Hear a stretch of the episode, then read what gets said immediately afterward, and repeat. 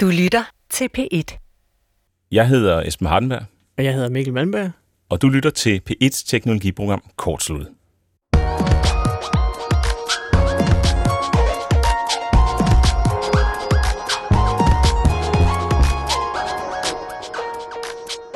Inde i uh, kortsluttet mailbakken på kortsluttet snablag DR.dk, der er, har der håbet sig en hel masse mails op. Ja. Og derfor så har jeg tænkt, at vi afviger lidt fra øh, formlen med projekter, temaer osv. i dag, og så snakker vi simpelthen om det follow-up, der er kommet, opfølgning, som det vist hedder på godt dansk. ja, jeg tror også, follow up, det er vist også et, påfundet, øh, et nyligt påfundet øh, fænomen eller øh, ord. Det er ikke utænkeligt. Ja. Øh, men hvis vi nu gør det, og så garnerer med øh, nogle tech-nyheder fra sådan den seneste tid, som vi har fundet særlig interessante. Og så er det simpelthen bare hyggetime med øh, Mikkel og Esben. Ja, Og det, vi har forberedt, det er, at det blandt andet skal handle om skræddersyede vejrservices. Mm. En vejrservice, det er måske, øh, hvad man kan kalde en vejrudsigt, hvis den er sådan lidt ekstra sej, ikke? ja. Og øh, jeg har, har læst en super spændende artikel om døende batterier i Playstations. Mm. Og øh, de her øh, døende batterier, de kan altså blive til tidsindstillede bomber, Mikkel. Åh, oh, oh, gud. Ja. Og så til allersidst i programmet, der øh, skal det handle om at fokusere. Og det skal selvfølgelig handle om at fokusere ved hjælp af teknologi, og nærmere bestemt, i det her tilfælde i hvert fald, en app. ja. Der er jo ikke nogen af os, der regner med, at vi kan fokusere uden øh, hjælpemidler. Det er altså, det- det er for meget at kræve, ikke? Nej, ja, ja. Så nu kommer lige noget øh, fancy her. Du lytter til P1's teknologiprogram kortsluttet. Programmet, hvor vi ikke hacker din e-mail eller Facebook-konto, men hacker selve teknologien, så den gør, hvad vi vil have den til. Med programmør Michael Malmberg og gør det selv mand Esben Hardenberg. Jeg tror, pladen er sat sig fast. Jeg skulle lige at sige, det her overordentligt fede techno, der kører i baggrunden, Ja, det skal- kommer vi tilbage til, når vi skal snakke om det her med at fokusere, fordi det er en nyhed, der er sket i løbet af den seneste uge, og en opdagelse fra min side, mm-hmm. som øh, jeg er meget begejstret for. Så det vender vi tilbage til. Men øh, lad os starte med at snakke om opfølgning, fordi i sidste uge, der sendte vi jo et program om øh, datalæg, blandt andet fra Facebook, og hvad man kunne gøre, hvis man var med i sådan et af de her datalæg fra en af de helt store øh, kanoner, ikke? og hvordan man skulle håndtere det her med, at ens personlige data ligger rundt omkring på, øh, på nettet. Forhåbentlig gemt bag, øh, bag logins, men ofte må vi jo bare erkende, øh, frit tilgængeligt, fordi der sker en eller anden fejl i, i de her øh, platforme, og så lige pludselig så er det til salg på The Dark Web. The Dark Web. Og der er flere, der har skrevet ind og minder os om i den forbindelse, at man jo ikke død og pine behøver at være på de sociale netværk. Nej. man kan godt samtidig komme til at snakke om det, som om, at det er en fuldstændig selvfølge. Der skal man selvfølgelig være. Men Ja. Det, det er jo fuldstændig rigtigt. Og Øh, det er måske ikke så enkelt som bare at sige, Nå, men så giver vi bare øh, det her sociale netværk fingeren og, og, og smutter vel. Men det kan vi komme ind på lidt senere, fordi en af de sådan helt overordnede argumenter for, hvorfor man skal forlade de her øh, tech-giganter, det er det, der hedder overvågningskapitalisme. Og overvågningskapitalisme, det er jo et begreb, der er dukket op i løbet af de seneste par år, og som er defineret af den amerikanske professor, som hedder Shoshana Zuboff. Og jeg lige prøvet at lave sådan en lynhurtig definition af overvågningskapitalisme, og hvad det er, inden vi, inden vi snakker videre om det. Ikke? Så kommer jeg. Så overvågningskapitalisme, det er, når vores øh, personlige data de bliver gjort til en handelsvare, kan man sige. Ikke? Og når det, når det sker, så er der så selvfølgelig nogle firmaer, for eksempel Google eller Facebook, er jo, er jo tit dem, vi nævner, de kan tjene penge på de her data. Og det er de rigtig gode til, når de så følger os rundt, så samler de alt vores data op og bruger det til at vise os øh, relevante, skråstreg målrettede annoncer og reklamer og den slags. Eller også så kan de sælge de her data videre, som de, som de måtte samle op. Og det sker hen over hovedet på os, altså uden vi ved det, medmindre vi meget aktivt øh, tager stilling til, at det her det foregår. Ikke? Og den slags dataopsamling, den kan selvfølgelig have øh, fordel for os. Altså, øh, nu snakkede du, jeg tror, det var dig, der nævnte sidste gang, at hvis man ser nogle gode reklamer, hvis man absolut skal, skal se reklamer, ja. hvis de så er nogen, der passer ind, så er det jo lidt bedre, end at se nogen, som ikke passer ind. Det Ikke? kan man da sige. Der er en ting, der er værre end øh, en relevante reklamer, det er der irrelevante reklamer. Irrelevante reklamer, præcis. øhm, men, men problemet er det her med, at når det er drevet af profit, så, og det sker hen over hovedet på os, så risikerer vi, øh, så risikerer vi at det kommer til at, øh, at, at koste os på øh, frihedsaspektet eller på autonomiaspektet, og også i forhold til øh, vores sådan generelle velbefindende, når vi agerer i den, i den digitale verden. Ikke? Jo, altså det, det er jo rigtigt nok, og man kan jo knap nok begå sig på internettet, uden at man øh, del, deltager i det her, eller bliver sat til salg på den måde, ikke? Fordi hvis ikke det er dine sociale profiler, de baserer det på, så er det jo din browserhistorik, eller, eller øh, tredjeparts tracking, og heldigvis er der jo masser af, af, af folk i kampen imod det nu, og der er jo adblocker og så videre, man kan installere, som sørger for, at man ikke deltager i det, øh, i hvert fald uden man vil det. Øh, selv GDPR, som man jo har hørt om i de tusindvis af mails, man fik i den gang, det, det gør jo, at man faktisk skal sige ja til at være med i sådan noget. Øh, men immer væk, så fortsætter det stadigvæk i stor stil. Øh, og, og, og hvad skal man sige, det er i hvert fald noget, man skal være bevidst om, fordi øh, man er jo ikke som sådan, altså det, det er jo ikke farligt, du kan jo ikke øh, dø eller komme i fængsel af det, men, men du kan jo øh, ende med at være afhængig af Facebook i forbindelse med andre ting, ikke? Altså, du kan jo have din strikkeklub kun på Facebook, og den dag så Facebook ændrer noget, eller du øh, lige pludselig tænker, nu skal, det, nu skal jeg ikke være en del af det her øh, øh, øh indhøstning, hvad hedder det sådan høstning af mine data, øh, på trods af, eller på, øh, på bekostning af, at jeg får lov at, at begå mig derinde, så er man jo ude af strikkeklubben. Hvad skal man så gøre? Mm. Så det, den store far ligger jo i, at man gør sig afhængig af de her services, og derefter finder ud af, at man ikke vil være med i det, ikke? Og i rigtig mange øh, øjne, der er vi jo allerede der, hvor vi er rigtig afhængig. Jeg føler mig da i hvert fald super afhængig af adskillige sociale øh, medier og tech-giganter på den ene eller den anden måde, ikke? Mm. Og, og kan ikke umiddelbart se en virkelighed, hvor jeg er, øh, hvor jeg er uden det, som de tilbyder. Ikke nødvendigvis uden dem, men uden de services, som, som de tilbyder. Øh, det, som jeg synes er svært, fordi jeg, jeg er meget enig med, med Suboffs kritik af, af hele den her måde, som overvågningskapitalismen, øh, som jo så er hendes ord selvfølgelig, med den måde, det fungerer på, og den måde, det der ligger bag. Og jeg køber egentlig rigtig meget ind på det her med, at det øh, kan koste os autonomi, ikke? fordi som sagt, hvis jeg vil være med i strikkeklubben, jamen så må jeg bare øh, æde, æde, æde pillen, eller hvad det hedder, og, og være det på Facebook. Sluge strikkepillen. Ja. Det, der, hvor jeg synes, det er lidt svært i det hele taget for mig som person, og også i forhold til vores program, hvor vi jo rigtig gerne vil anvise, når man, hvad gør man så? Mm. Det er, at jeg har lidt svært ved at sige, hvad gør man så? Vi har snakket tidligere om, øh, om det, der hedder Scuttlebot, som er jo et alternativ ja. til, til uh, Facebook, Øhm, og som er et socialt, der er masser af de her decentrale sociale netværk, som man, mm. kan, som man kan bruge. Mastodon er et andet eksempel på noget, som, som kommer med et reelt funktionelt alternativ. Ikke? Jo. Så der er noget der, man kan, man kan sige, I, I må gå herhen i stedet for. Øh, og det er endda de helt decentrale. Så har der været ja. masser af startups, som ligesom siger, at vi vil være Facebook, bare uden at være ja. øh, dataindsamlende osv. Og, og de er alle sammen øh, gået nedenom og hjem, tror jeg. Ikke? Jo, jo, og i hvert fald i mindste fald, så er det jo noget, du skal betale for. Altså det må man jo også bare se i øjnene, at hvis man vil have noget, så er man nok også nødt til at slippe et eller andet. Og hvis ikke man vil have med sine data, jamen, så er det nok de, øh, de kolde kontanter, man skal, man skal slippe. Ikke? Så altså, du kan også få gratis øh, øh, storage hos, øh, hos Google mm. eller hos Apple og det er gratis begge steder, men det koster noget på et tidspunkt. Altså, så betaler man jo noget på det ene sted og noget på det andet sted. Øhm, man kan jo gå, altså hvis man vil melde sig helt ud, det, det kan man nok ikke, men man kan jo gøre et forsøg. Altså, man kan jo gøre sådan noget som at bruge Firefox-browseren, og så slå øh, deres strikse øh, indstilling til, så den ikke må bruge tredjeparts cookies og sådan noget. Så slipper man jo for de fleste af den slags. Så kan man lade være med at lave en Facebook-konto. Mm. I det mindste lade være med at logge ind på den. Lade være med at lave Twitter og Instagram og så videre, hvad de ellers hedder alle sammen. Øhm, og så er man jo sådan set, kan man jo godt begå sig på nettet uden alt for meget bøvl. Men du slipper stadigvæk ikke for sådan noget som, at dine venner så har din kontaktinfo. Nej, det, det, og de deltager, ikke? Ja, det er den ene, det er den ene del af, af problemet, at de apps, der ligesom suger ikke bare dig, de, ikke bare dine data, men også dine venners data, telefonnummer for eksempel, ikke? Mm. Øh, det, kan man, det kan være svært at slippe udenom. Men det er jo også det der med, at vi bare bliver nødt til så at lide afsavn. Og for nogen, øh, øh, blandt andet jer, der har skrevet ind, er det er det, det værd? Mm. Jeg ved også, at du er meget begrænset øh, på, på Facebook, ikke? Jo, jeg har ikke nogen Facebook, det har jeg så, så nu alligevel, fordi at jeg skulle følge med min øh, søns skolegang, og der kan du bare se, det er jo problemet i sin kerne, ikke? at jeg, vil, vil jeg øh, stå ved mine principper og være heldig, eller vil jeg se de skide billeder af deres øh, dagligdag i, i 0. klasse? Og der viste det sig jo så, at det vil jeg alligevel godt gå på kompromis med hvad som helst at det er også meget der, jeg er, jeg er fanget. Jeg, jeg er måske også, jeg, hvis jeg skal være helt ærlig, en lille smule doven i forhold til, hvor mange øh, ringe med ild, jeg, jeg synes, jeg vil springe igennem for at slippe for det.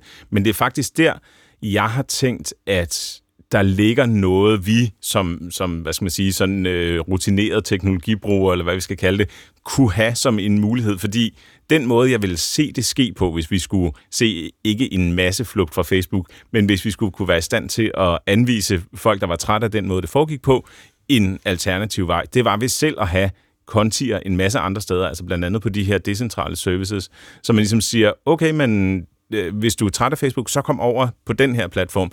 Der er jeg, og der er jeg aktiv, og der, der kan du få lige så meget af mig. Så kan det godt være, at du øh, går glip af alle de andre venner, men altså reelt set, så, så er jeg jo nok også den mest interessante. Ikke? Øh, men, men det tænker jeg vil være, det, det tænker jeg vil være en sådan konkret mulighed, man vil kunne handle på. Men hvad, hvad, hvad tænker du om det? Er det holdbart?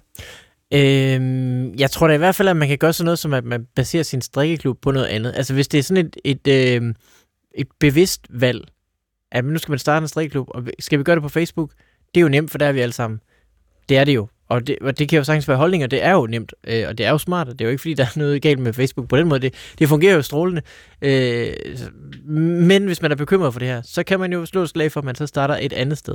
Og hvor det så er, det er jeg ikke helt sikker på, men der er, men der er masser af sådan nogle øh, forum og beskedgrupper, og man kan jo sådan set godt bare nøjes med en, en, øh, en en, en Signal-gruppe eller en Telegram-gruppe, hvis man bruger sådan en besked-app, ikke? Mm. Øh, så kommer man jo til at mangle øh, kalenderen og alt det der, der ellers er integreret på Facebook. Men, men øh, pointen er at tage en beslutning om, at vi skal prøve at finde noget, der ikke er Facebook. Og så findes der jo masser af alternativer. Når først man er med på, at det så bliver en lille smule mere besværligt, end bare at gå derhen, hvor man plejer at gå hen. Og der ligger altså et eller andet begravet der, som jeg synes er interessant, fordi en ting er, om det teknisk kan lade sig gøre, men en anden ting er, om vi og, og når jeg siger vi, så mener jeg hele, hele strikkeklubben, ikke? Mm. kan overskue og have endnu et sted, vi skal ind forbi og tjekke, er der nye, nogle nye notifikationer her, og endnu en app, vi skal have installeret, og endnu et password, ja. vi skal håndtere. Og det her, altså der, der tror jeg bare, der er mange, der er, øh, der er egentlig fyldt op af øh, af teknologi, eller hvad man skal sige. Ikke? Altså fyldt op af alt det der bøvl med at skulle logge ind og skulle logge ud og skulle øh, skifte app og alle de der ting. Og, og jeg tror ikke, vi er der endnu, hvor... Øh, hvor det er særlig attraktivt, altså, eller hvor, hvad skal man sige, hvor vægt, vægtskålen er tippet for mange mennesker, mm. i forhold til at sige, ja, okay, så gør jeg det, så kommer jeg over, jeg er rigtig glad for noget forum-software, der hedder Discourse, ikke ja. Discord, men Discourse, øh, så man sige, det kunne faktisk være, være, meget, øh, være meget godt, være et godt alternativ. Men jeg er ret sikker på, at hvis øh, jeg skulle lave et eller andet i forældrerådet i min, øh, i min datters klasse, og jeg sagde, ja, vi skal bare lige fisse over her på Discourse og ja. få oprettet jer, og så lige øh, to faktor, mm. øh, øh, slå to faktor til, og så, så bliver der sendt en password osv. Ja, jeg, jeg, jeg, jeg, jeg er ret, jeg er ret øh, bange for, at det ikke vil, at det ikke vil øh, kaste noget af sig. Det er jo også det, at, at, at vi må nok bare øh, sande, at øh, det er et for svært valg for det, det, den menige øh, person og det er jo også derfor, det er dejligt, at der kommer noget regulering øh, op fra, som gør, at, at jo jo, okay, vi går med på, at vi bruger jeres øh, øh, services til at øh, snakke med hinanden, øh, men så skal I også opføre ordentligt. Øh, I, må, I må gå hertil og ikke længere. altså, der er det jo dejligt, at EU sætter sådan noget som GDPR i gang og siger, det kan godt være, det er besværligt, og det kan godt være, at vi lige skal i gang med det osv., men herefter, så det der med, at I bare følger efter folk, uden at sige, at de gør det, den går ikke. Og det, det er jo så det er jo så godt, at vi har nogen, der tager vare på os på den måde, fordi jeg har jo også, altså, det, en kæmpe hyggelig i det, at jeg har jo ikke nogen Facebook, men jeg har en Instagram, og det er jo, det er jo fuldstændig samme firma mm. i sidste ende, ikke? Og hvad er grunden til, at jeg har Instagram? Jamen, hvis jeg poster på Instagram, Instagram så får jeg mange flere likes, end jeg gør andre steder. så det var sådan en skrækkelig grund til at have det.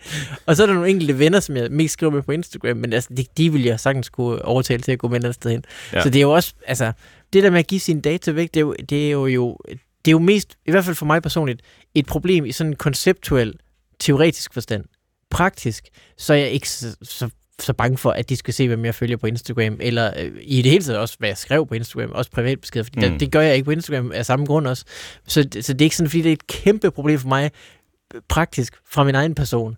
Men det er jo selvfølgelig, synes jeg, et samfundsmæssigt teoretisk problem, at vi bygger hele øh, vores øh, infrastruktur, er det jo efterhånden, op mm. omkring de her services, som jo er for det første amerikanske store virksomheder, for det andet øh, lever af at sælge reklamer, øh, øh, eller sælge og info om os til dem, der vil vise os reklamer, ikke?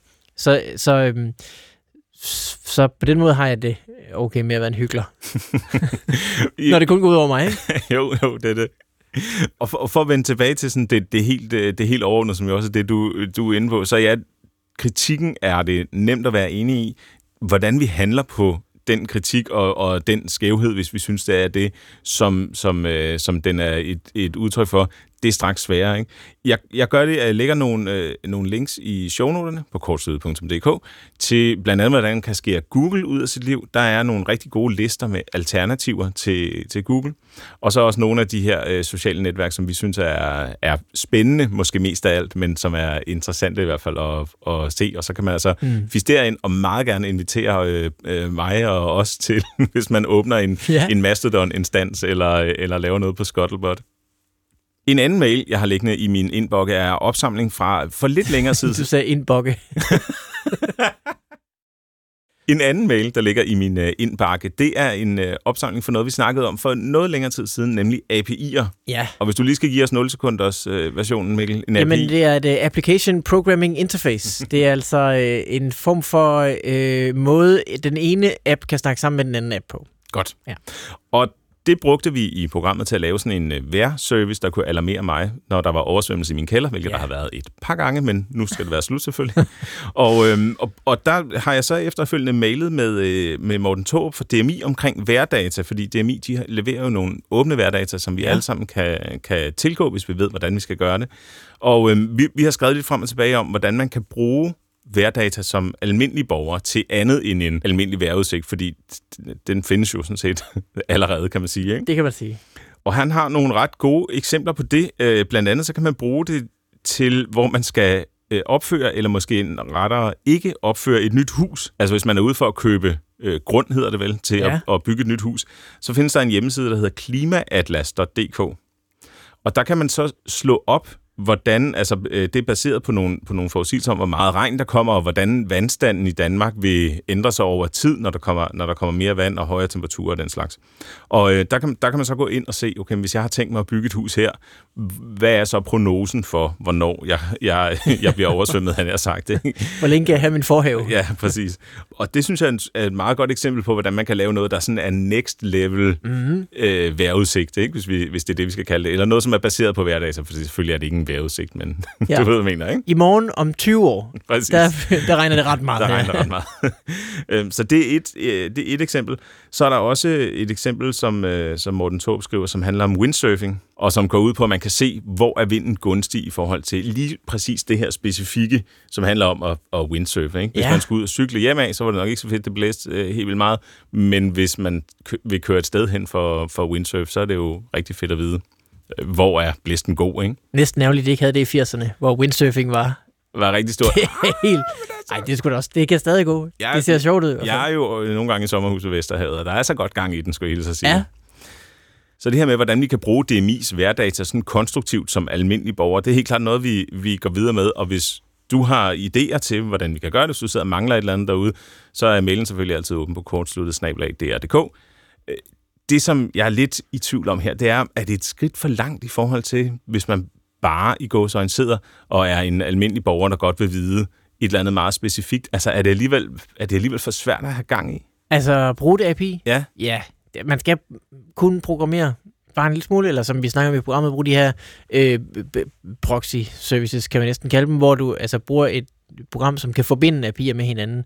Men så skulle de kende DMI, og det er ikke sådan helt sikker på. Det kan du nok godt sætte op til, men så skal du alligevel vide, hvad JSON er og sådan noget. Altså, det er, lille, det er en lille smule langhåret. Ja, det er lidt svært, ikke? Ja. Så det kan godt være, du skal alliere dig med en, der kan programmere bare en lille smule. Idéer er i hvert fald velkommen, og så kan det være, at vi kan formidle noget kontakt, eller selv flække et eller andet sammen, hvis det går rigtig vildt for sig, ikke? Helt klart. Det er jo sådan, hvis man øh, øh, får stukket en idé, der er spændende nok og lille nok i hånden, så kan det næsten være sådan, at man ikke kan lade være med at, at sætte den i verden. Nemlig. Vi vender tilbage med lidt mere opfølgning sidst i programmet. Men Mikkel, har du en PlayStation 3 eller PlayStation 4 stående derhjemme? Jeg har en PlayStation 4. Vidste du, at det er en tidsindstillet bombe? Nej.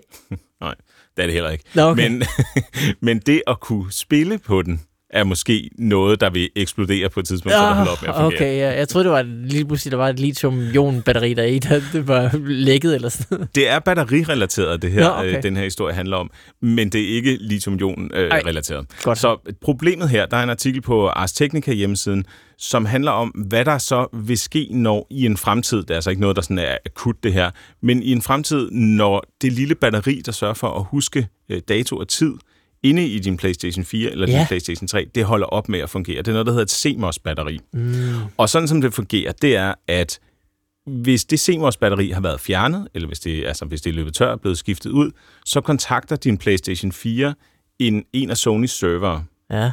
Og den server siger så, okay, klokken er det og det, og så får du, øh, så, så bliver du i stand til at spille spil igen. Ja. Men hvis du ikke kan nå den server, Ja. og har skiftet batteriet, så kan du ikke spille spil. På PlayStation 4, der gælder det Nå. alle spillene, at hvis det her batteri har været fjernet, så minimum en gang skal den være i kontakt med den her server, for at få at vide, mm. okay, øh, klokken er det og det, og så kan den indstille det. Må det ikke give Og noget er piratkopieringsbeskyttelse? Det, de siger, Sony, Ja. ja. det er, at det er fordi, der er nogle trofæer, man indsamler, altså sådan nogle øh, Nå. virtuelle præmier eller sådan noget, Ja, ja. som den skal sørge for at kunne udløse på de rigtige tidspunkter af den måde. Det fungerer jo så også som piratkopiering, Ja, ja, øh, ja, ja, kan man ja, sige. ja, ja, ja. Og det er så også, hvis man vil omgå det her, så er det også piratkopieringsscenen, der har fundet på måder at omgå det på. Men altså, problemet er, hvis Sony server der, de så lukker ned, Ja. og du skifter dit batteri i din PlayStation 4, der stadig virker om 5-7 år, eller hvornår det nu øh, måtte være, så øh, kan du ikke længere kontakte serveren, og så kan du ikke starte noget spil, som du har downloadet på din, på din PlayStation 4, og så bliver den øh, det, det, det er det, man mener med den tidsindstillet bombe. Så, Ja. holder, så holder den op med at fungere Så simpelthen. bliver ikke? den bricked, Ja, bliver den bricked simpelthen. Så er det bare en mursten. Fuldstændig. Ja. Og, øh, og med PlayStation 4 der er alle spillene. Med PlayStation 3, der er det de spil, der er hentet digitalt. Der, øh, det, der Ja. kan man stadig bruge de spil, som så kører Så en på PlayStation en, 4 gør på det også for spil, du putter i fra en DVD. øh, Yes. Det er jo sådan, det foregår nu om dagen. En gang købte man jo en, en, en CD-ROM med et spil på jo. Øh, det var den eneste måde at få det ind på, fordi det fyldte meget, og så skulle det transporteres på en CD. Så man gik ned og købte en kasse, ligesom man gør med CD'er og DVD'er og så videre. Og så puttede man den i maskinen og, øh, og så videre. Men så er det jo langsomt gået med som så meget andet, at nu om dagen køber man spillet på deres online store, så henter den det fra internettet, og så kan man spille det derfra, så ligger det på en harddisk i selve tingen. Der er jo endda de her streaming services nu, de næsten alle sammen har, hvor du bare køber et månedligt abonnement for Netflix-agtig pris, og så kan du bare spille alle de spil, du har lyst til. Så det er jo fuldt den, øh, ellers øh, den samme udvikling, som øh, film og medier og musik og alting har fulgt. Ja, Ja. lige præcis. Altså, jeg øh, kunne aldrig finde på at købe en plastikdisk øh, på det her tidspunkt. Og da jeg havde spillet meget mere Playstation, der øh, havde jeg et par af dem, men det, det er jo super besværligt at skulle skifte de her disks. Og det er jo øh, træls at skulle høre på den køre rundt derhen, Mm-hmm. når man kunne slippe for det. Øhm, så øh, jeg har godt nok øh, gået fuldstændig over til et andet der, så det, det, det må jeg jo så få, få spillet færdigt, så de spil. Jeg er heller ikke meget stor på fysiske medier, men diskussionen sådan lidt mere øh, overordnet er jo super relevant. Vi kan jo stadig spille på Nintendo, hvis selve maskinen eller spillet ja. ellers ikke er gået til i en, i en brand eller oversvømmelse eller et eller andet. Ja, ja. Men de virker jo stadig, og dem kan vi bare ploppe spillet i, og så kan vi tænde for den, og så kan vi, og så kan vi spille. Det her, det er jo sådan lidt også med bevaringsbriller på øh, interessant, fordi vi risikerer, at det forsvinder. Lidt ligesom Flash-spil jo Mm. i vid udstrækning er, er forsvundet. Der var øh, helt vildt mange af dem på internettet, både gode og dårlige i, i, øh, i nullerne, og nu er de, nu er de væk, fordi uh, ja. serverne er lukket ned, og, og der, hvor spillene lå, er, er det, det er slettet. Det findes ikke mere, ikke? Jamen, det, og det, øhm, det er jo rigtigt, og det er simpelthen kommet med den her øh, omni-forbindelse, øh, vi alle sammen har til internettet, at ingenting, altså alt er i bevægelse nu, ikke? Mm-hmm. Hvor i gamle dage, så købte du Office på nogle CD'er, og så installerede du det, og så havde du det på din computer. Ja. Og den stod bare og var, som den var, den computer. Det var ikke sådan, at den gik i stykker jo. Altså, det er jo først i det øjeblik, vi forbinder alting til internettet. Så er din Office-pakke for gammel. Så bliver du hele tiden fortalt, at den er for gammel. Så er det de antivirus, det er udløbet. Så er Windows skal opdateres. Mm. Altså, så er alting lige pludselig, øh, så er det lige pludselig på bevægende øh, grund hele tiden, ikke? Øh, og det samme med de her konsoller. Din Nintendo er, aner, altså, den aner jo ikke, hvad internettet er. Så den er stadigvæk bare flot og grå, og øh, øh, du kan puste i kassetten, men så kører den igen. Men din Playstation, den er jo fra en anden tidsalder, hvor den er forventet at forbinde til internettet, så den skal hente øh, opdateringer til spillene, fordi de er jo ikke bare sat i sten, de er jo også hele tiden i bevægelse. Der er en ny sæson af det her spil, og så skal du, øh, så bliver det nemmere at brænde dem med spil på dem. Det skal vi lige snøre dem, så de ikke kan det. Så nu ringer den lige hjem, hver gang mm. den skal spille spil, fordi at så kan vi være sikre på, at det ikke er blevet brændt ind hos øh, naboen og, og lige pludselig så er det jo bare ikke så simpelt mere, fordi alting, altså hverken din office eller din computerspil er jo nærmest noget, du ejer, fordi det er bare noget, du har til lånt. Vi skal lige tiden opdateres. Og sammen med din browser, du starter Chrome, så er det, er en ny version. Og det er jo godt, fordi så den sikker, men det er jo også, altså, samtidig vil man også gerne bare have noget, der er, som det plejer at være, at man bare kan åbne noget, og så, så er det den samme dumme office-pack, hvor uh, tingene ikke er uh, smarte, men de er det i mindste, hvor de plejer. Uh, og det kan man bare ikke mere. Altså, hvis du, sådan er det bare med internettet. Det er som at sætte tingene ud i en flod, mm. og så regner du, altså, så forgår det jo, hvis ikke du bliver ved med at sætte sten omkring og bygge op og opdatere og få nye ting og så videre.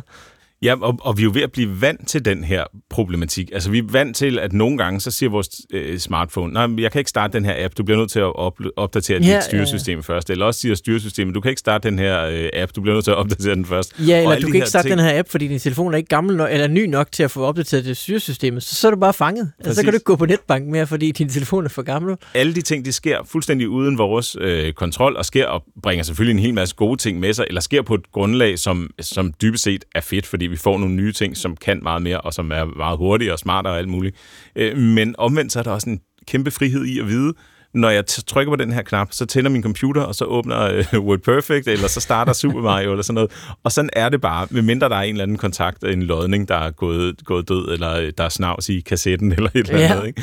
Øhm, og, så, og så på den måde, så det er sådan en meget sjov... Øh, det, her er et meget kompliceret eksempel på en meget sjov problematik, som vedrører os alle sammen, synes jeg, på en eller anden måde. Ikke? Jo, helt klart. Og, det er jo... Øh jeg synes også, det leder tilbage til Facebook-debatten, før vi gør så, så gør man sig jo afhængig af den her forbindelse. Du kan mm. også logge ind på Facebook, så ser alting anderledes ud, og så bliver halvdelen af befolkningen sure, og den anden halvdel bliver sure over, at nogen bliver sure, og så, og så der er jo ikke nogen af os, der har nogen øh, indflydelse på det her. Det sker bare. Det er forbundet til Facebook. Det ligger på deres server. Du henter det hele alt sammen ned derfra. Du kan ikke engang logge af, og så bruge Facebook, altså du kan ikke engang skære ledningen over, og så bare regne med, Facebook er, som mm. det plejer, fordi det, er jo kun, altså det eksisterer jo kun, fordi det er forbundet.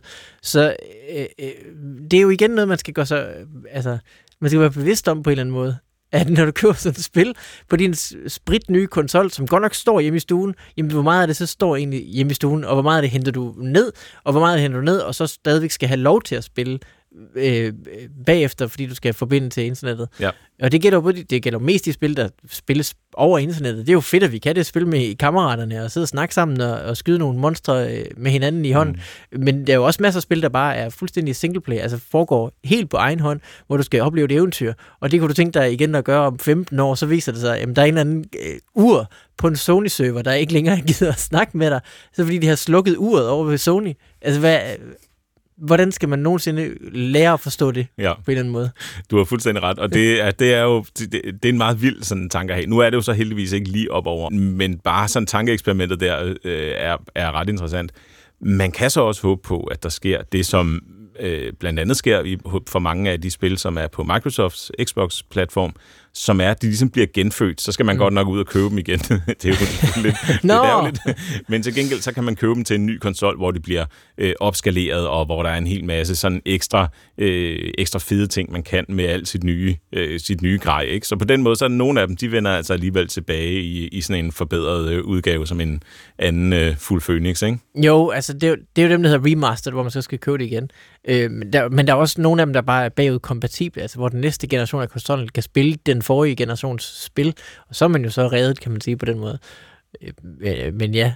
Man kunne håbe på, at Sony de øh, barsler med noget lignende. Men øh, nu, vi, vi må se. Den næste nyhed, den handler om noget, jeg har valgt at kalde app-udvikleraktivisme. Ja. Og den øh, handler om, at de apps, der findes i Apples App Store, altså det, man kan hente til iPad og iPhones, de ikke, måske ikke er så helt så, øh, så sikre at hente, som vi, som vi troede. Og eksemplet her på det, jeg kalder app-udvikleraktivisme, det er udvikleren, som hedder Costa Eleftheriou. Han er udvikler af øh, Apple Watch og iOS-apps.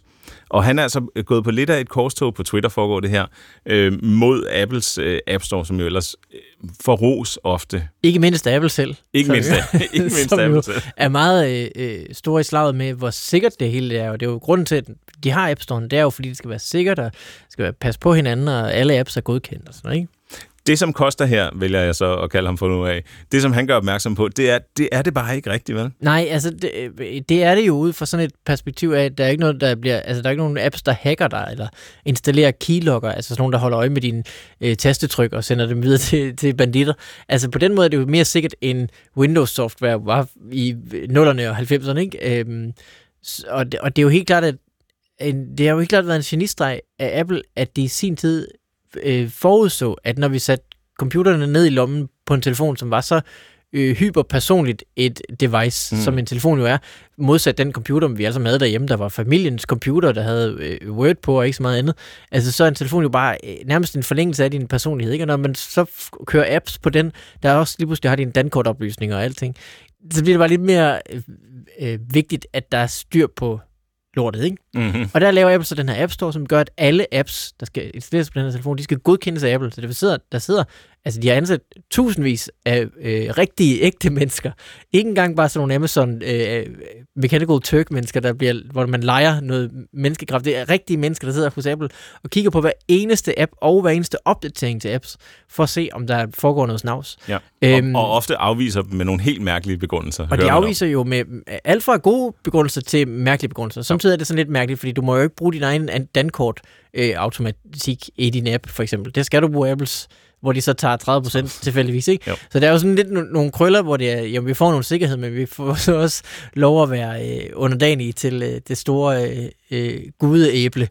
Øhm, og der er øh, Costa her, hans pointe er så, at der er mange apps, der følger alle reglerne, men stadigvæk er noget snavs. Så der er ligesom nogle apps, der prøver at snyde folk til, jamen du henter det, det ser ud til at være gratis at hente, mens du er ved at, at, at, at gå ind i appen første gang, så spørger du lige på spørgsmål. Et af de spørgsmål er så lige, vil du egentlig betale 250 kroner om ugen for at bruge den her app? Og så får man lige sagt ja til det, øh, fordi det der om ugen, det står ikke så stort, og altså, det, det er lidt noget, noget altså det, folk bliver narret til at betale mere, end det giver mening at betale for en app, der siger pruttelyd, eller noget lignende, ikke? Ja.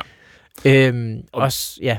Og, og den, den app, jeg så så, øh, eller der var to apps, jeg så omtalt på Twitter. Den ene, det var sådan en pulsmåler-app, eller ja. sådan en, en helse-app, ikke? Og den anden, det var en øh, VPN-klient, altså sådan en, der får det til at se ud, som om man er logget på internettet fra, fra et andet land, ikke? Ja, som jo så har den hale, at så går alt det, du så besøger på internettet, jo igennem deres server, i stedet for din teleudbyder, ikke? Jo, hvis den ja. altså virker, og det er du er usikker på, om den her gør, fordi de er begge to forsvundet. Nå, ja. og, og problematikken er, som du også siger, at du bliver luret, altså du bliver luret ind til at, øh, at abonnere på noget, som så er et helt vildt dyrt abonnement, som er nærmest umuligt at opsige igen. Ikke? Og, øh, og man benytter de her, det, det man kalder dark patterns, ved at man laver knapper i forskellige farver, der får folk til at klikke mm. på det, de egentlig ikke vil klikke på, og Altså det, i virkeligheden, det, det er meget, meget fjendtligt over for brugeren, og jo slet ikke noget, der burde være sluppet gennem de her meget strikse App Store guidelines, som Apple de, de bryster sig af. Øh, så det er den ene ting. Den anden ting, det er, at og det var lidt en, jeg ved ikke, jeg ved ikke om det var en øjenåbner for mig, for jeg er selvfølgelig bevidst om det, men, men det, som den også gør, det er, at den har en hel masse positive anmeldelser. Mm. Altså, øh, jeg tror, det var over 1000, den ene af dem havde.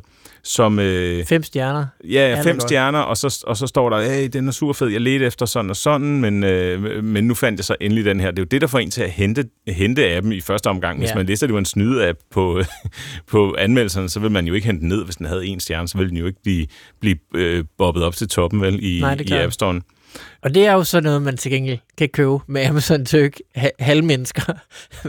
at, at du køber simpelthen folk til betale for håndører at sidde og skrive positive anmeldelser til din app, uanfægtet om de har brugt den eller ej, ja. øh, øh, uanset. Det er jo ikke til at vide som forbruger, at det er en, øh, en halvsøvnig øh, kineser, der har skrevet et øh, positivt re- review på den her app, eller det er en faktisk bruger.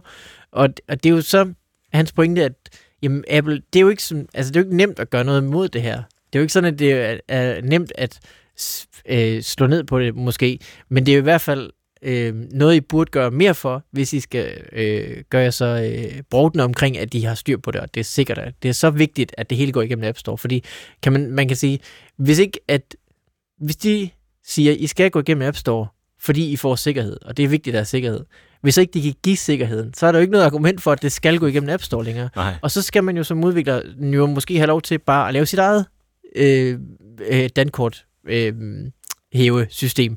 og ikke bruge Apples og give dem 30%, hvis ikke de kan give de, som de lover, der er fordelene ved det Ja, andet. det er altså simpelthen Apples ansvar at sørge for, at det her det fungerer, som de, som de siger, det fungerer, og at det ikke, Ja. er, at det ikke ender med at være øh, brugerne, der bliver, kommer til at betale prisen. Ikke? Og det er altså ikke småpenge her. Den ene af appsene, den er blevet hentet over 1 million gange, og har øh, tjent 1,4 millioner dollars, Ja.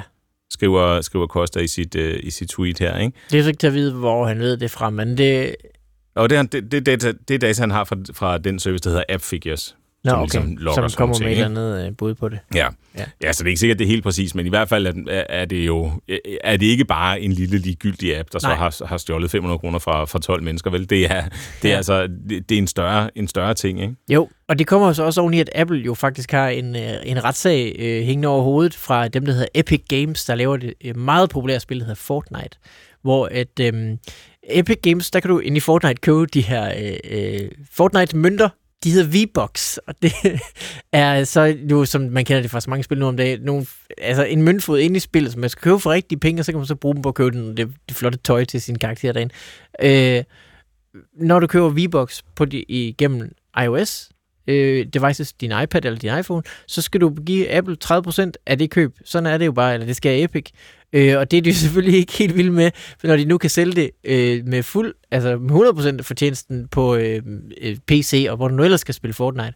Øh, så det Epic gjorde, som var sådan lidt et frækt stunt, det var, at de havde skjult en feature i en update, således at folks telefoner hentede den nye version af Fortnite. På et tidspunkt, så, så, så øh, slår Epic ligesom en kontakt til, og så kan du lige pludselig ind i appen købe det med dit dankort. Og så vil du så få flere mønter ud af det, fordi det er jo selvfølgelig med fordel for Epic. Mm. Og det er jo meget imod Apples App Store øh, gui- guidelines. Det har man ikke måttet nogensinde. Øh, så selvfølgelig lukker Apple ned for det her. Det er en lang sag, som øh, kommer til en retssag på et tidspunkt inden så længe.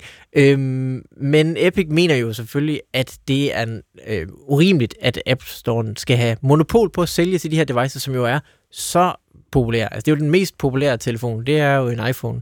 Så det vil jo vise sig, om der, er, om, der, øh, om der er noget i den her sag med, om det er monopol faktisk, at, man, at der kommer nogle re- reguleringer øh, opfra, der siger, Apple, I skal simpelthen tillade, at an- man kan bruge andre øh, kreditkortformularer i sin, øh, i sin software, eller du skal kunne tilbyde, at folk kan lave deres egen App Store. Så det vil sige, at du kan have en tredjeparts App Store. Mm.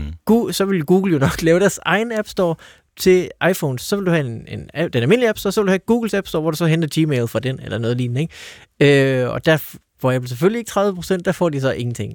Øhm, det vil jo vise sig, hvad øh, domstolen i USA de mener om det. Men det kommer jo lige oven i det. Samtidig så kommer der også en øh, opdatering til øh, iOS i aften, øh, tirsdag, hvor øh, fremover vil, der, vil du, når du åbner en app, som gerne vil tracke dig, for eksempel Facebook, så får du simpelthen en, en, en notification, hvor der står, den her app vil gerne tracke dig øh, på en eller anden måde. Vil du være med til det? Hvilket Facebook jo også er ved at dø over, at det skal, det skal være sådan, fordi det, er jo- det er jo selvfølgelig, det er de jo bange for, at alle vil sige nej til. Og så har de jo ikke nogen forretning på, på iOS, kan man sige. Så det er sådan lidt et sammenkog lige nu for Apple, hvor alle de her ting omkring App Store'en og deres politikker, og hvad får vi egentlig ud af det, og hvad får Mm. vi ikke ud af det, det, øh, det kommer til, øh, til en stor spids. Og Apple, de kæmper jo med næb og klør, ikke for at, at, at bibeholde det her jerngreb, eller hvad vi skal kalde det, som, som de har over, hvordan apps fungerer på deres platformer. For, for dem er det, er det en fordel, og det er det i mange tilfælde også for os brugere, at der er en streng kontrol med, hvad der, hvad der kommer ned. Der har været væsentligt flere øh, skandaler, eller hvad vi skal kalde det, ala den her på, øh, på Android-telefoner, som er noget mere sådan løst, øh, øh, løst kridtet op, eller hvad vi skal kalde det, og der er flere forskellige app stores og den slags. Så på den måde kan man sige, indtil videre har det, øh, har det virket bedre, end det har virket over hos de andre, og øh, som Costa han, han beviser her, jamen så er det bare ikke, øh, så er det bare ikke fejl, et fejlfrit system, mm. og, og kritikken går så på, at det er jo ikke godt nok, at Apple de ikke sørger for at, at opretholde en, en højere øh, kvalitet, når det handler om, hvilke apps bliver sluppet igennem, og hvilke apps bliver, øh, bliver kastet ud. Og så er det jo godt, der er de her øh, app-udvikleraktivister, som, som kommer ind, og når de spotter noget, som er, som er skidt, så laver de en storm på Twitter, og så, så bliver appsene trukket. Det, det, ene, det ene udviklerfirma har sågar lukket deres, øh, deres hjemmeside, så man kan overhovedet ikke se, øh, se det længere. Så Nej. det, det er sådan noget, der har, det er, sådan noget, der har, har gjort en forskel i, lige med de her to apps. Men det her med falske anmeldelser, ved jeg, det er også noget, der plager Amazon, og det er en større, det, det er en større diskussion også, ikke? Så ja, det er sådan en, øh, en tilsyneladende øh, ikke særlig kompleks sag, som i virkeligheden bare har rigtig mange elementer af, af, af sådan fungerer apps og internettet i dag, som øh, i sig, ikke? som gør, at det, er, at det er en større sag alligevel. Jo, og Apple har også givet sig, så for eksempel nu om det kan du ansøge om at være en lille forretningshaver. Det, og lille betyder, at du tjener under en million US dollars øh, per år, ikke? så det er jo næsten, det er jo, det er jo hvad, 95-99 procent af, af, af, alle udviklere på, øh, på App Store, der kan gå ind under det. Man skal så godt nok ansøge om at få det, og så skal du kun betale 15% i stedet for de 30. Så de begynder også at give sig lidt, ikke? Øh, og og det, det er klart, at, øh, at det er ikke en vildt god sag for dem, at de ikke kan opretholde den sikkerhed, når de nu siger, at det er det største, øh, den største feature ved det. Det sidste, vi skal tale om, det er, øh, må jeg jo med skam, eller jeg ved ikke, om det er fryd i stemmen, øh, erkende også en lidt mere kompliceret sag, fordi det handler om det, der hedder flok. Og nu snakkede vi tidligere om det her med tracking på nettet, blandt andet fra Facebook, og øh, flok er Googles alternativ til den måde, vi bliver tracket på ret ofte, som er med tredjeparts cookies. Altså det er det her med, at vi kan følges øh, fra af en hjemmeside, kan vi følge, kan følge vores færden rundt omkring på nettet og vise os reklamer andre steder og den slags. Ja, når du går ind på eb.dk, så viser den reklamer. Og det er jo, de reklamer kommer ikke fra eb.dk. De kommer fra øh, en reklameudbyder. Og den reklameudbyder, hvis en anden hjemmeside bruger den samme reklameudbyder, så kan den jo altså forbinde dig mellem de forskellige, så kan den se, at du været på EBDK før, der så du en artikel om bryster. Det, sådan en fandt du derinde. Og så var du over på en anden hjemmeside, der så du sjovt nok også noget om bryster. Og så var du inde på en tredje hjemmeside, så ved den jo allerede, at den har en profil af dig, at du er ret interesseret i øh, øh nogen kropsdel mere mm. end andre. Og øh, det er så det, man kalder en tredjeparts cookie. Det var en, den tredje part var den der reklameudbyder, der smed en reklame på EBDK, så du besøgte jo EB, men du, du fik så også lagt billetten ved nogle andre. Det er så det, mange af browserne begynder at sige fra nu, at du kan ikke sætte en cookie, hvis ikke du er den primære hjemmeside, du, der bliver besøgt. Ikke? Ja, det virker som om, det, det er på vej ud, og det her øh, annoncemarked er jo selvfølgelig det, det, som Google er bygget på, og derfor så skal de finde et alternativ, og det alternativ, øh, de håber på, eller det alternativ, de afprøver for tiden, det er så det, der hedder FLOC, eller Federated Learning of Cohorts, som jeg ikke engang ved, om giver mening at prøve at oversætte. Men forskellen er, at denne her model, den bruger browserhistorikken til at placere dig i en gruppe, som man så kan vælge at vise reklamer, i stedet for, at man har en profil på dig. Så på mm. den måde er den i Googles udlægning mere, øh, den er mere privat, digitalt privatlivsbeskyttende end tredjeparts cookies. Og de er så i gang, Google, med at prøve den her flok-teknologi af, og vil have andre med ombord. Mm. Og det, de andre, det er så øh, ja, både Firefox og øh, Apple med deres Safari-browser, men også alle dem, der bruger Chromium, som er den teknologi, som Chrome, Googles browser, er bygget på. Det er en open source version af Chrome-browseren, ja. Yes, og den bliver brugt i, til at lave rigtig mange forskellige browser, blandt andet Opera og øh, Vivaldi. Og Brave også og så. Brave, ja, ja, og Microsoft Edge også. Og det, der så er sagen nu, det er, at der er ikke nogen, der har lyst til at gå med Google øh, på den her flok-teknologi. Mm-hmm. Så de små spillere, der er en artikel på The Verge, hvor nogle af de små spillere udtaler sig, og en af de små spillere i den her sammenhæng, det er så den browser, der hedder Brave, som er en privatlivsfokuseret browser. Ja, det er en browser, der startede af Brendan Eich, som er ham, der har opfundet JavaScript, programmeringssproget blandt andet. Så altså ikke en her hvem som helst? Nej, ikke her hvem som helst. Og den har også den feature, at den øh, prøver også at bekæmpe de her reklamebaserede øh, situation, vi er i, med at øh, bruge kryptovaluta til at betale småbeløb til de hjemmesider, du besøger mest. Mm-hmm. Og Brave udtaler til øh, The Verge, at frit oversat, ikke? Det værste ved Flock er, at det gør væsentligt skade på brugerens digitale privatliv, mens det udgiver sig for at være privatlivsvenligt. Ja. Så de har ikke tænkt sig at bruge den. Og ja. vi valgte en anden lignende spiller, som skriver, vi vil ikke understøtte Flock-API'en, og vi vil slå det fra, uanset hvordan det bliver implementeret. Det beskytter ikke det digitale privatliv, og det er bestemt ikke en fordel for brugerne, at de giver deres digitale privatliv væk, så Google kan tjene penge på det, uden at de ved det. Nej, det er jo også lidt... Altså, det, så for en måned siden, så siger Google, nu er vi faktisk med på det der med tredjeparts cookies. Vi slår det også fra, at vi ikke godt se, det er noget bøvl. og så går der en måned, siger det, men det er så også fordi, vi har fundet på noget, der er lige så effektivt, som gør nærmest præcis det samme. Altså, det er jo ikke anderledes, om de siger, her er Esben, og han kan godt lide øh, rodeo, eller de siger, her er alle dem, der kan lide rodeo, og en af dem er Esben. Altså, det er jo det, er jo det samme, det ender med, ikke? Så at de, øh, de går den anden vej rundt, øh, er jo selvfølgelig ikke noget, der ændrer særlig meget for selve konceptet. Ikke nødvendigvis i hvert fald. Det har jo så at gøre med implementeringen af i hvert fald også noget af det, som artiklen her den, den handler om. At man kan sige, en ting er, hvordan ser det ud i, i teorien, når vi præsenterer den her, øh, den her nye teknologi. En anden ting er, når det så kommer til stykket, og det her med webstandarder, og mm. hvordan, hvordan den ene teknologi fungerer og sådan noget, der er så mange detaljer, der er så komplekst, ikke? at det kan godt risikere at blive endnu værre, det kan også risikere at blive bedre, det kan også risikere at blive nogenlunde lige så slemt, og det er måske ikke det værste at være afventende i forhold til, Nej. om man vælger at putte, øh, at, at putte det her flok ind i, sin, øh, ind i sin browser, uanset om man så er en lille spiller som, øh, som Brave eller Vivaldi, eller en af de større som øh, Safari eller Firefox eller Microsoft Edge, som, som øh, Microsoft Edge benytter også øh, Chromium som, som sit udgangspunkt, og Firefox og Safari gør ikke. Altså, et godt spørgsmål i sådan noget her, synes jeg, det er jo tit, hvad, er det godt, hvad, hvad er det, der er det gode for brugeren, altså slutbrugeren? Hvorfor er det godt for dem? Og det eneste, man skal spørge om her, det er jo så, det, det er fordi, de gerne vil se relevante reklamer. Og det skal man jo så have overbevist folk om, at det er en god idé for dem. Og det ved jeg ikke, om, om folk er på det her tidspunkt. Altså, jeg ved ikke, om, om man sådan generelt set synes, det er en god idé at man kan se øh, øh, mere relevante reklamer, fordi man bliver tracket mm. hele tiden.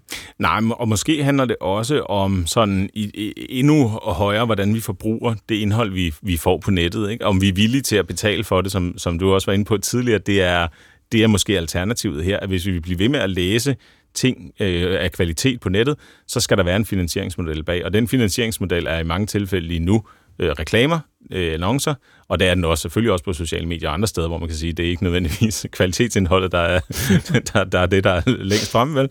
Men, øh, men, men, men der er jo også noget der, som handler om, hvad så vil vi, vil vi bare droppe at læse, øh, og læse reklamefinansierede hjemmesider, og så øh, og, og så tegne et abonnement på, på øh, en digital avis i stedet for. Fordi det er jo, øh, det, ja, det kan jo så også blive. Men altså, der er jo ikke nogen, der holder ekstrabladet, for lige at tage det samme eksempel igen, for at sælge deres egne reklamer, og så sætte dem på hjemmesiden. Du kan jo ikke engang adblock det. Hvis, du bare, hvis de bare sætter et billede på, der tilfældigvis er en reklame, så, så er det jo reklamefinansieret.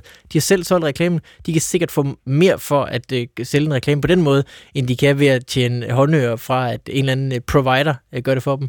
Det er selvfølgelig det er jo mere besværligt, men der er jo ikke nogen, der holder dem fra at gå tilbage til en mere, sådan ligesom en helt annonce i en avis, ikke? Det er jo også det er jo heller ikke noget, der bliver hentet. Når du bladrer, så kommer den ind udefra, og så er der en lille aktion for, hvem der skal have at lægge den der hele. Det er jo noget, der er nogen, der har solgt, og så er den printet, og så ligger den der. Det samme kan de jo gøre på EB.dk, og så vil du ikke engang nærmest kunne adblock det. Altså, så skulle du, hvordan skulle du genkende, at det var en reklamebillede?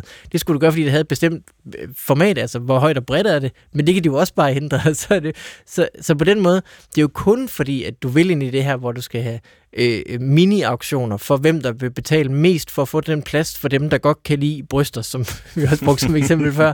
Altså, øh, det, det er jo kun fordi, du skal ind i hele det her kæmpe store apparat af at vise reklamer, der er, er samtidig relevante, at det er et problem. Hvis du bare viste et billede fra en reklame, du selv har solgt, så er, er der ikke noget problem. Så det er jo ikke, fordi man ikke kan reklamefinansiere. Det er jo kun fordi, at vi ikke vil have det her apparat, hvor du øh, putter mennesker ind i den ene ende, og øh, produkter i den anden ende. Og så, mm. altså, det er jo... Øh, og det, og det er jo måske det, der har været fælles for mange af de ting, vi har snakket om, at der er nogle ting i vejen med sådan, som tingene er, men det ændrer bare ikke på, at det er sådan, tingene er. Ikke? Nej, altså, ja. det, lige nu, der er der, der er der den her børs, som du snakker om, hvor man køber og sælger reklamer, og det er sådan, at, at reklamer på nettet for en stor dels vedkommende, øh, langt størstedelen, fungerer, og så er det rigtigt nok, der er masser af alternativer derude, men, er det, men de alternativer har bare ikke vind i sejlene på samme måde, vel? Og vi tror ikke i hvert fald, at de, at de kan det samme.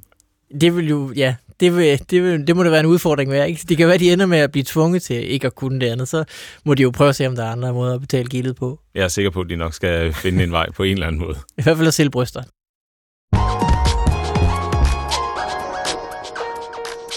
Inden vi lukker ned i dag, så øh, skal jeg jo lige høre mm. om dine øh, eskapader, var ved at sige, men eksperimenter mm. er nok øh, mere, øh, mere rigtigt ud i at lave digital kunst.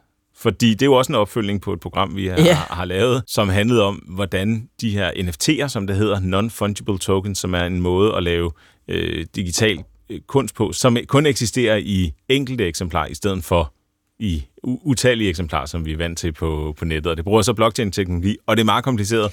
men du har lavet et digitalt kunstværk i den forgangne uge. Ja, det har jeg. Jeg har slået mig ud som kunstner. Det har du. Det har altid været lidt, ikke? jo. Jeg kan godt kunne mærke det. Ja, men, men hvad, hvad, hvad, jeg fortæl lige, hvad du har gjort, og, og Jamen, jeg hvor har- svært det var. Øh, jeg har, øh, jeg fik i en øh, øh, form for øh, feberdrøm. Jeg gik øh, i min stue med min søn i armene om natten og prøvede at få ham til at sove igen. Han er ikke så gammel, et år gammel. Øh, og så lige pludselig så kom det bare et eller andet sted fra, at det var da, altså de her coronapas, vi har snakket om, der var, så var der noget snak frem og tilbage med, om de var falske eller ej. Man kunne nemt forfalske dem. Øhm, hvor jeg synes bare, at det var sådan en mærkelig form for debat, fordi hvis man vil snyde, så kan man jo også nok finde ud af at snyde. Øh, og, og det der med, at det skulle være nemt at snyde, det, som om det skulle ændre noget. Nå, men det, det, var i hvert fald, det, det var ligesom inde i mit hoved. Og så var de her NFT'er også inde i mit hoved, som var det her koncept med, at man kan lave kunst. Og så synes jeg bare, at på en eller anden måde, det var et, et oplagt kunstværk at tage sådan en, en, et coronapas og Mhm. mm-hmm. gøre det til et kunstværk. Ikke? Og så øh, har jeg samtidig haft downloadet Blender, lige siden vi lavede det program. Blender er et gratis øh, tilgængeligt 3D-program til alle platforme. Det er utroligt, at det er sådan, ikke? Mm-hmm. Øh, Som man simpelthen kan bruge til at modellere landskaber til computerspil, Ja, ja. eller digital kunst, eller whatever. Og det har hele møllen, der du kan sætte lyssætning, og der er kameraføring, og der er det ene og det andet og det tredje, og det fjerde. Øh, og øh, det tænkte jeg så, der, der var den. Det er mit projekt, jeg skal prøve at lave. Mhm. For det er jo bare en plade, ikke? Som jeg så har bukket en lille smule for at give det, det dybde. Men så vil jeg også gerne have det til at være sådan et, have sådan et form for øh, objekt øh, værdier. Jeg har set nogen, en der hedder Jam, tror jeg udtales. Hun er fra Libanon, hun har lavet noget kryptokunst, som hun kalder fragments, som er sådan nogle, Mhm. mm. Øh, jeg tror det er asteroider, eller sådan noget lignende, hun har så genskabt i blender, og så har hun sat sådan en flot lyssætning på dem, så det sådan skinner, og så gør de det her med, at de bare sådan står stille i, i motivet, og sådan bobber op og ned, så Ja. lige så stille. Så det, på en eller anden måde ligner det jo et objekt, man køber. Altså det er jo godt nok stadig bare et billede, ikke? Men det der med, at det sådan var objektificeret med, at det sådan var, det synes jeg var ret spændende. Mhm. Og så det, der var min idé jo. Så måtte jeg jo lave det her stykke papir, og så bukke det lidt, og så få det til at have noget flot lyssætning, og lidt, det skinner lidt og sådan noget. Så er det jo selvfølgelig, motivet er jo så en falsk corona-pas pdf, Mhm. øh, som så bobber lidt op og ned ind i midten. Og så har vi jo undersøgt det NFC, og det viser sig jo, at det, øh, på Ethereum blockchain er det jo typisk, at det foregår, men det er en af dem, der er øh, proof of work, som betyder, at der har stået nogle computer og regner helt vildt sindssygt meget på at løse nogle matematiske formler, som ikke har andet formål end at bevise, at man har arbejdet meget. Så det bygger jo alt sammen op omkring det her øh, eksorbitante forbrug, bare for at bevise værdi. Øh, men der er jo heldigvis alternative blockchain, så en af dem, altså den du fandt, som hedder Tezos, som er, øh, baserer sig på øh, gambling på en eller anden måde, altså, hvor, det, hvor du, du øh, i sæ- sætter noget andet på spil, end bare det, at du arbejder meget, du har en stor samling værdi i forvejen, du så gambler på. Det er i hvert fald sådan, at det bruger en brøkdel af den energi, mm. Man bruger på øh, Ethereum-blockchain på at lave det andet her. Og der findes så sådan en kunstsælger-side, som jeg kunne smide det på. Ja. Øh, så det har jeg gjort. Jeg har lavet sådan en lille to sekunders klip af den her fil, der, eller den her papir, der bobber op og ned, og så satte det på Tezos blockchainen for 10XTZ, hedder deres mønt. Som er cirka i skrivende stund 400 kroner. Og jeg har nogle, nogle tesers i min app, og deres, mm. øh, deres værdi vælter rundt. Altså, øh, jeg tror ja. På en uge, så gik den fra at være 25 kroner øh, for en til at være nogen af 40 eller sådan noget. Ja. Men 10, 10 tesers øh, 10 er omkring 400 kroner nu her, når vi står og snakker. Lige nu. I morgen kan det være 0. Man ved det I aldrig. år måned 6 millioner. Det er aldrig til at vide. Og nu er dit, øh, nu er dit øh, coronapas-fragment så Ja, til salg. til salg. Det er ikke Ja. købt endnu. Det tror jeg ikke, det er. Det kan jo undre en hver. Jeg skyder skylden på, at øh, det er lille smule besværligt at købe Tezos stadigvæk. Ja, Ja, ja. Altså man skal ligesom købe det et sted, og så veksle det til Tezos, og så skal man ind i den der wallet, så skal man have en wallet, der så kun er Tezos-baseret, så skal man ind. Så det, jeg tror simpelthen, det er for besværligt. Altså, øh, der er nok bare ikke stor nok kunstner til, at folk vil hoppe igennem så mange Endnu. endnu. Men altså, øh, øh, giv det 10 år, ikke? Fordi så kommer vi til at grine af, at man kunne få sådan et for 10 Tezos. Jeg er sikker på, at nu er der mange, der vil flokkes for at købe dit kunstværk, Mikkel. Til, til, Lad os- lad os til se. Tesas blockchain. Vi lægger i hvert fald link i uh, shownoterne på kortsluttet.dk. Det lakker mod enden, men inden vi lukker ned for i dag, så vil jeg jo lige snakke om det, jeg har oplevet i ugens løb, som var det her øh, fede mm. Techno-fokusmusik. Og øh, det er sådan, at nu kan jeg lige starte det i baggrunden, så det kører lidt, mens vi, mens vi står og snakker her, men Det er sådan, at jeg bruger en app, der hedder Endel, som er efter sine baseret på øh, både øh, vores hjerterytmer, hvis vi ellers har et Apple Watch, som vi så kan synkronisere med den her app, og tiden på dagen og vejret og alt muligt forskelligt. Og øh, de har så en algoritme, siger de, som behandler alt det her data og laver sådan et, et øh, skræddersyet. Og det er musik, øh, men det laver sådan et lydlandskab, som vi kan dykke ned i, og så kan vi, er meningen, at vi kan have det kørende, mens vi sidder og arbejder. Og i den seneste uge, så er der så kommet en opdatering, hvor der er lavet et særligt lydlandskab af den kunstner, der hedder Richie Horton, som er en, en teknomusiker og, og en rimelig sådan legendarisk øh, en af, af slagsen. Og det er det, jeg har oplevet, og det er det, er det der kører i baggrunden.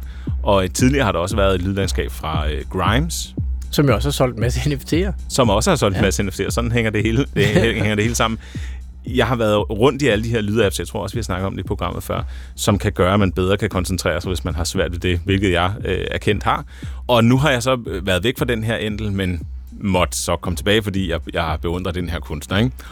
Alt det bare for at sige, at vi er i gang med at snitte et program sammen, som handler om, hvordan man kan bruge teknologi til at have en bedre koncentration om den arbejdsopgave, man nu øh, står eller sidder med og skal, og skal lave. Og for mig i den seneste uge, der har det her været enormt effektivt. Mm. Øh, og en virkelig, fed, øh, en virkelig fed oplevelse faktisk, samtidig med, at jeg også synes, det har hjulpet på min, på min fokus, så har jeg virkelig nyt den her, øh, den her musik. Så det er et kæmpe tip øh, her fra mig. Det er en betalt tjeneste og alt muligt. Så man kan prøve den gratis ved at, at hente den ned og, og se, om det, er, om det er noget for en selv. Også selvom man ikke kan lide minimalistisk techno, ikke? Det er fedt, den baserer sig på hjerterytmen, ikke? Så kan de andre i huset også høre, at man er lidt stresset. man, at man er i live. og dum, dum, dum, dum. Øh, der, der, der er mange ting, det kan, og jeg, jeg, jeg ved ikke helt med, med det her med forskningsbaserede algoritmer og alt sådan noget der, der ligger bag. Jeg ved bare, at det, at det virker, øh, virker for mig. Og grunden til at nævne det er selvfølgelig også, at det er en indbydelse. Hvis du sidder derude og har et øh, lifehack eller en app, som du bruger, når du skal fokusere, en metode, et digitalt værktøj, hvad som helst, skriv ind på kortsluttet snablag dr.dk, og øh, så kan vi se, om vi kan få den med i programmet, som kommer til at handle om ja, digital fokus, eller hvad vi skal kalde det. Ja, Så er hyggetimen ved at være, øh, ved at være slut. Masser af opfølgninger og, og masser af nyheder. Vi vender tilbage i næste uge. Du kan altid skrive til kortsluttet på kortsluttet eller på Twitter ved hjælp af hashtagget kortsluttet. Tak fordi du lyttede med, og vi lyttes ved igen i næste uge.